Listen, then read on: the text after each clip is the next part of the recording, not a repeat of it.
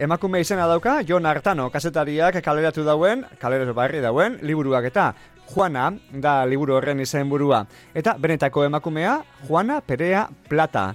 Kolombiarra bera, baina Euskal Jatorrikoa, bere aitita amumak gerratik iesi joan ziren Kolombiara, eta familia horretan dauka jatorria Juanak, orain dela hiru bat urte, hileben, gizon armatu batzuk Kolombian bertan, horretaz ikertzen, hori guzti hori aztertzen, ibili da joan hartano, eta azkenean, bagora bera guzti horrek, liburu baten batu ditu, Juana eseneko liburuan batu ditu, eta joan hartano, honen barri emoteko emetxe geugaz daukagu jo, naupa egunon? Egunon Javi, egunon entzule denei. Eta orain be, liburu artean zago zuzeu, ez?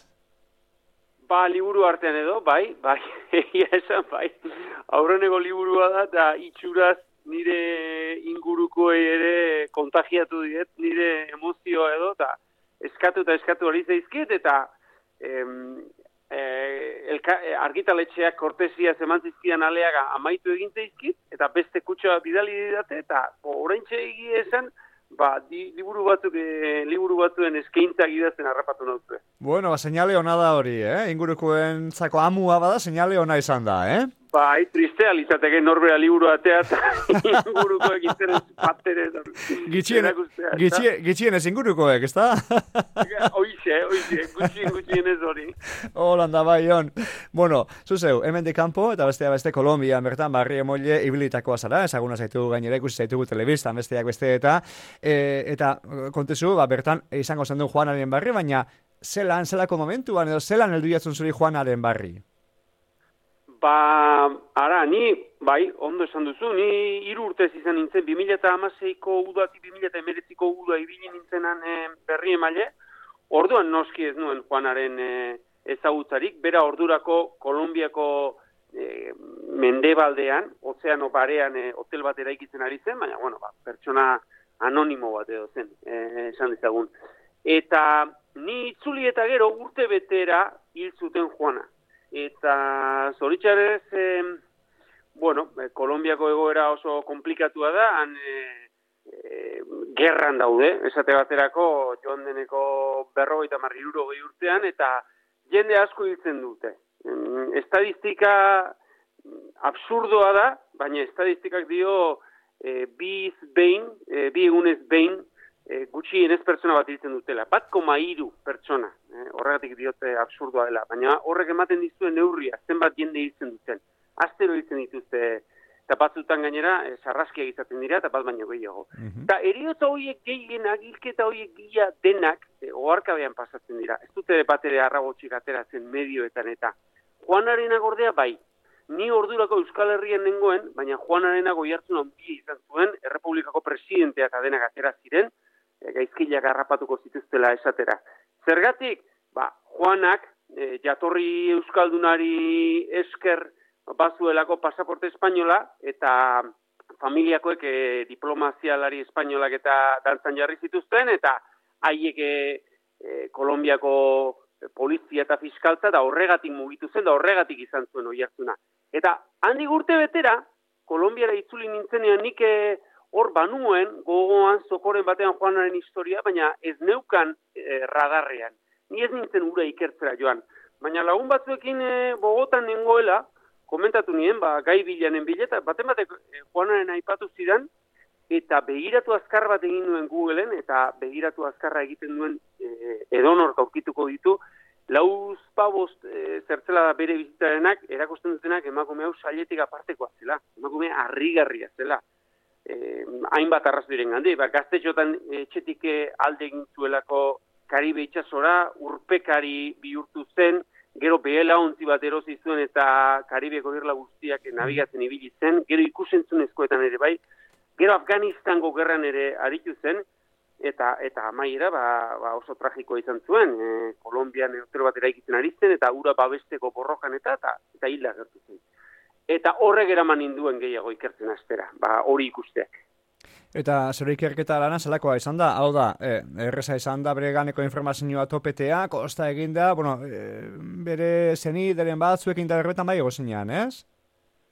Bai, bai, esan dizkizudan lauz pabost e, zertzela da horiek non nahi daude, baina gero e, erreportaje mardul bakar bat aurkitu nuen, eta erreportaje mardul hori, e, zentratzen zen edo ardatza zuen, ba, Juanaren hilketa gertatu zen lekuan, eta, bueno, pixka bat ikerketa hona egin zuen kazetariak, baina hor geratzen zen. Nik aldiz, aurreneko aurreneko lana egin duen bere zenidekin biztea, bere anaiarekin, eta bere lengusina batekin. Eta hor jabetu nintzen, Juanaren aezezik, eta hori ere interesatzen zitaidan niri, ba, Euskal Herriarekin lotura egiten zuelako, Juanaren aezezik bere familiaren historia ere harrigarria zela.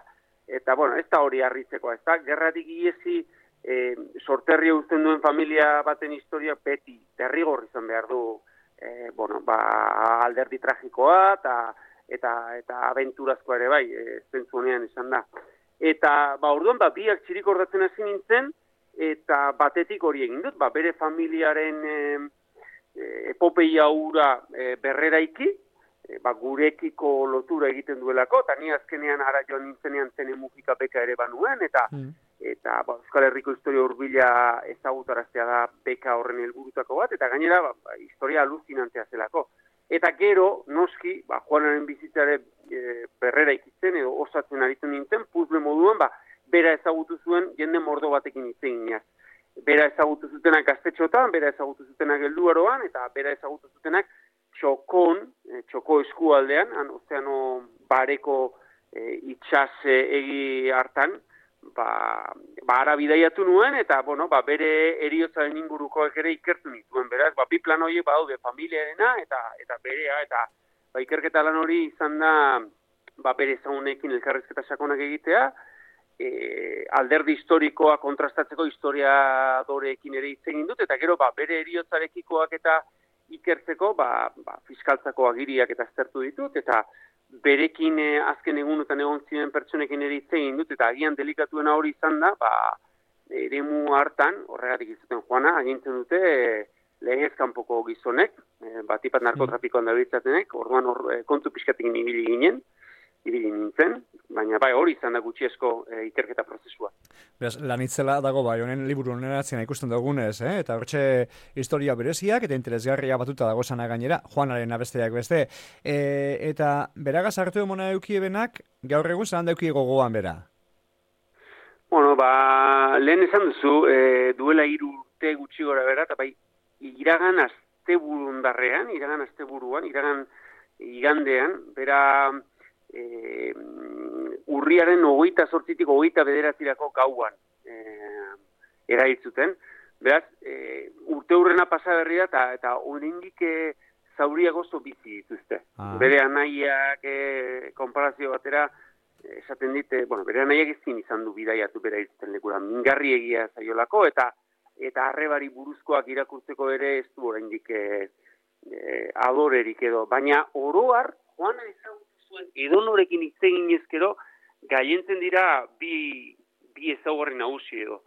Bat da e, mugarik ezagutzen ez zuen emakume bat zela ausarteten ausartena ari ezin zaien ezan hau ezin duzu egin. Da beti mugak pasatzeko eta bizigrini izugarri bat zuena. Eta bestea da alaitasuna alaitasuna eta jendetasuna. Beti lagunak egiten omen zintuen edozein lekutan eta histori kontalare aparta omentzen eta galdera egiten zekiena eta bizipoza berezko omentzuena. Beraz, bi gauza horiek, ezta? Joana urakan bat zen esaten dute, e, bera ezagutu zutenek, eta joana persona maiteagarria zen. Zer urte gazile, be?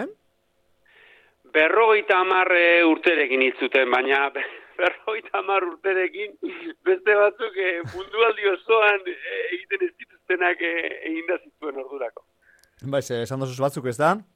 Eta beste, bai, beste bor, ba... urpekari, urpekaria. Zala, urpekari profesionala zala gainera, e, bela ontzitan ibilit zala be, bai, Afganistanen be, sartu urteren bat egin, ez dakigu zetan edo segaz, edo bon zu, pai, zetan, ba, ibilizan.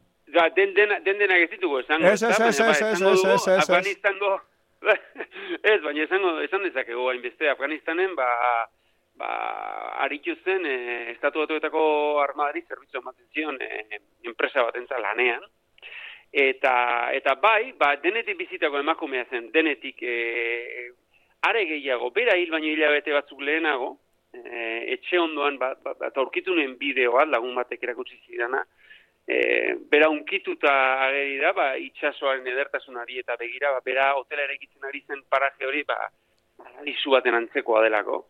Eta esaten zuen, ba hori, ba, bere, bere, bere izaera erakusteko adierazgarri zen daiteke. Ba, bideoa grabatzen dut, esaten du, hau ikusita, no, nagoen, eta bi harrilko banintz, nigatik eh, esango lukete, emakume honek denetik egin zuen. Eta hori da niretza balio duena. Olako zerbait esaten du gazteleraz noski, eta nik uste dut zuela arrazoirik falta. Inok ezingo zuen esan, haren e, entierroan, hare lurre mantzinotenean, e, e, ba hori, ba, kikilduta bizitako emakume bat izan zenik. Denetik probatu zuen eta denetan aurrera egin zuen. Esan duzu besteak beste, beren nebearen zako gogorra esan zala hau, eta ondino ba, gainditu bari daukala, eta bar, eh, eskertu duzu, eskertzen dabe, zuk egindako hori, ba, ikertu izena, eta liburu atara izana, eta bar? Ba, izugarri eskuza hartu naute, eta hor gakoa izan da, giltzarri izan da, Bilbotik e, iesi joan dako familia horretan, bueno, eta Bizkaia irratian ari garen ez esango dugu, e, ba hori, ba, presente daudela Bilbo eta ez Bilbo bakarrik, e, barakaldo ere bai, eta, eta bermeo inguruak ere bai. Abai. Horre, bazen amaren, amaren, e, bueno, joanaren a, amamaren jatorria, soilu epeko e, etxe bizkar baserrien dago, eta baserri horrek badu pisua kontakizunean, izan ere, Juanaren aitona amonak Bilbotik iesi joan ziren hiru umerekin. Bilbon jaiotako hiru umerekin. Ta hiru ume horietan zaharrenak e, bitorik, e, gero Maria Victoria erabiliko zuen berak, baina bitorita esaten zioten familian, idazle egintzen, heldu aroan bogotan, eta zahartzaroan umetako kontuak papereratzeari ekin zion. Emakume horrek pare bat nobelera publikatu zituen, da, publikatu gaudeko liburu gehiago zituen da. Horietako mhm. batean familiaren historia jasotzen du. Eta horri esker, jakin izan dut nola bizi izan zuten gerra eta nola izan zen iesa. Eta, eta ba, zinez da, harri-garria, eta pixka bat familiak eh, eskuzabal jokatu eraban nirekin, eta pena pitin bat badunik, familia horrek euskera galdu duelako, eta ezin duelako orain biografia uletu, eta ia jendeari, bueno, ba, gustatzen zaion, arrakasta duen da, bueno, arrakasta izatea gustatuko lehitzea genoski, ekezurre esango nuke bezala, eta batipatia norbaitek eskintzen didan, edo norbaitek proposatzen duen hau gaztelera itzultzea, ba, Kolombian ere irakur dezaten, Juanaren lagunek eta eta bere familiak ba, polita esango ditzateke, eta interesgarria esango ditzateke gainera, eh? Amu abota dozu, eta bat batek hartu da jala orduan. Jon, eh, Juanaren bizimodu hortxe dago liburuan bai, izan dozu bere familiaena be bai, ze, bueno, ba, Eurepe eh, oso historia interesgarria daukielako, eta besteak beste, aitita peoko errespanago, Kolombian bertan egoala be, agirre lendakaria gaz beuki ban, harremana, ez? Bai, bai, eh, aurraritzaren eh, aurreneko ordezkari izan zen Kolombia, baina hori baino lehenago, IAEA,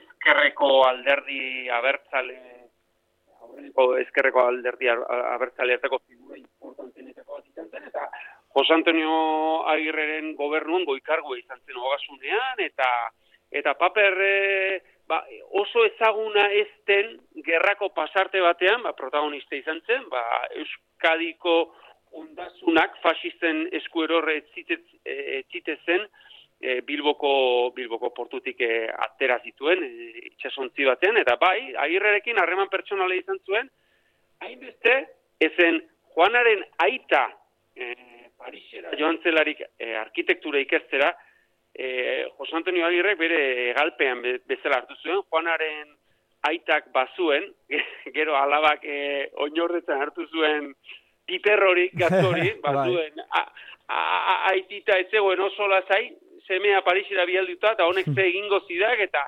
lagunari, Jose Antonio Agirreri izan zion, i favorez, e, kontu egio. Eta Jose Antonio, pentsatu, ba, horrek adirazten du, zenbaten hain zuten e, harreman pertsonala, ez dut uste Jose Antonio Agirrek, e, zera, e, exiliaturik zuten guztien e, semea labak bere zaintan hartuko zituenik. Ba, segurutik ez, bai ikusten da, bezalako harremana eukien. E, bueno, nik ez liburua irakurri ondino eskuartean daukat eta irakurriko, oso interesgarria moten dau gainera, begiratu bai gainetik baino espada be, eta hor, argazkiak eta batu dituzu, ez?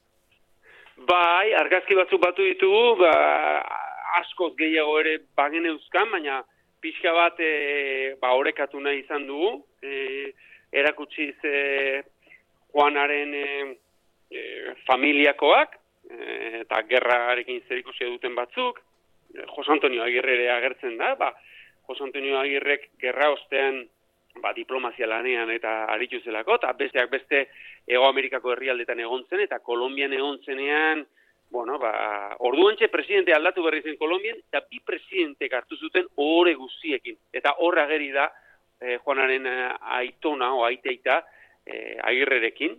Eta, bueno, ba, gero Juanaren eh, bizitzako zertzelerak erakusten dituzten argazki batzuk, eta eta txoko eskualdekoak ere, bai, bai, argazki batzuk, eta nik eh, kuadrilako esan dietan bezala, argazki mordoa zeuzkak eta letra lori loria, errez irakurriko duzu. Erreztasun guztiak dauka orduan, ondo?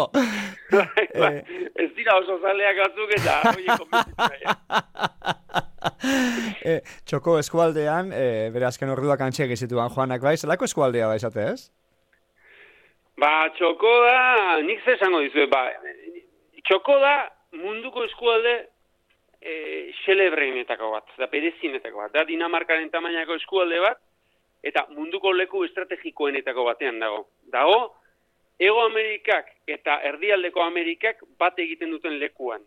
E, Kolombia da Ego Amerikako herrialde bakarra, bi ozeanotara irteera duena. Pazifikora eta Atlantikora. Batxoko eskualdeak bi ozeanotara du e, sarrera.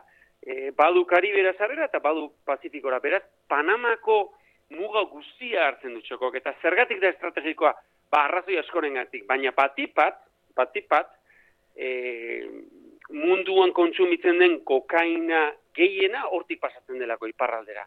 Eta horrek bihurtzen du estrategiko. Ez bakarrikan kokaina gatik, pertsona trafikoa gatik ere bai, baina, baina e, Kolombia da munduko kokaina ekoizle handiena, eta kontsumitzaile diren herriak nagusiki iparraldean daude, e, mendebaldean, ba, estatuatuetan, eta hemen Europa mendebaldean, eta eta hortik pasatzen da kokaina, horregatik da in estrategikoa, eta horregatik dute kontrolpean armatutako gizonek, eta beste ezaugarri bat e, txogori buruz, e, bueno, txogori buruz dezente itzegin du liburuan, eta eta benetan da harri harriaren, ez egin e, lurralde horrena ikaragarria da, ze e, Juana bizitzen udalerriak, bera termales erriskan bizitzen, baina udalerriak e, nuki izena du. Ta, nukik ia ia Euskal Kostaldeak adina kilometro ditu, e, ba, bizkaia da gipuzkoago kostaldea bintzat bai, eta ez dauka kilometro bakar bat errepide.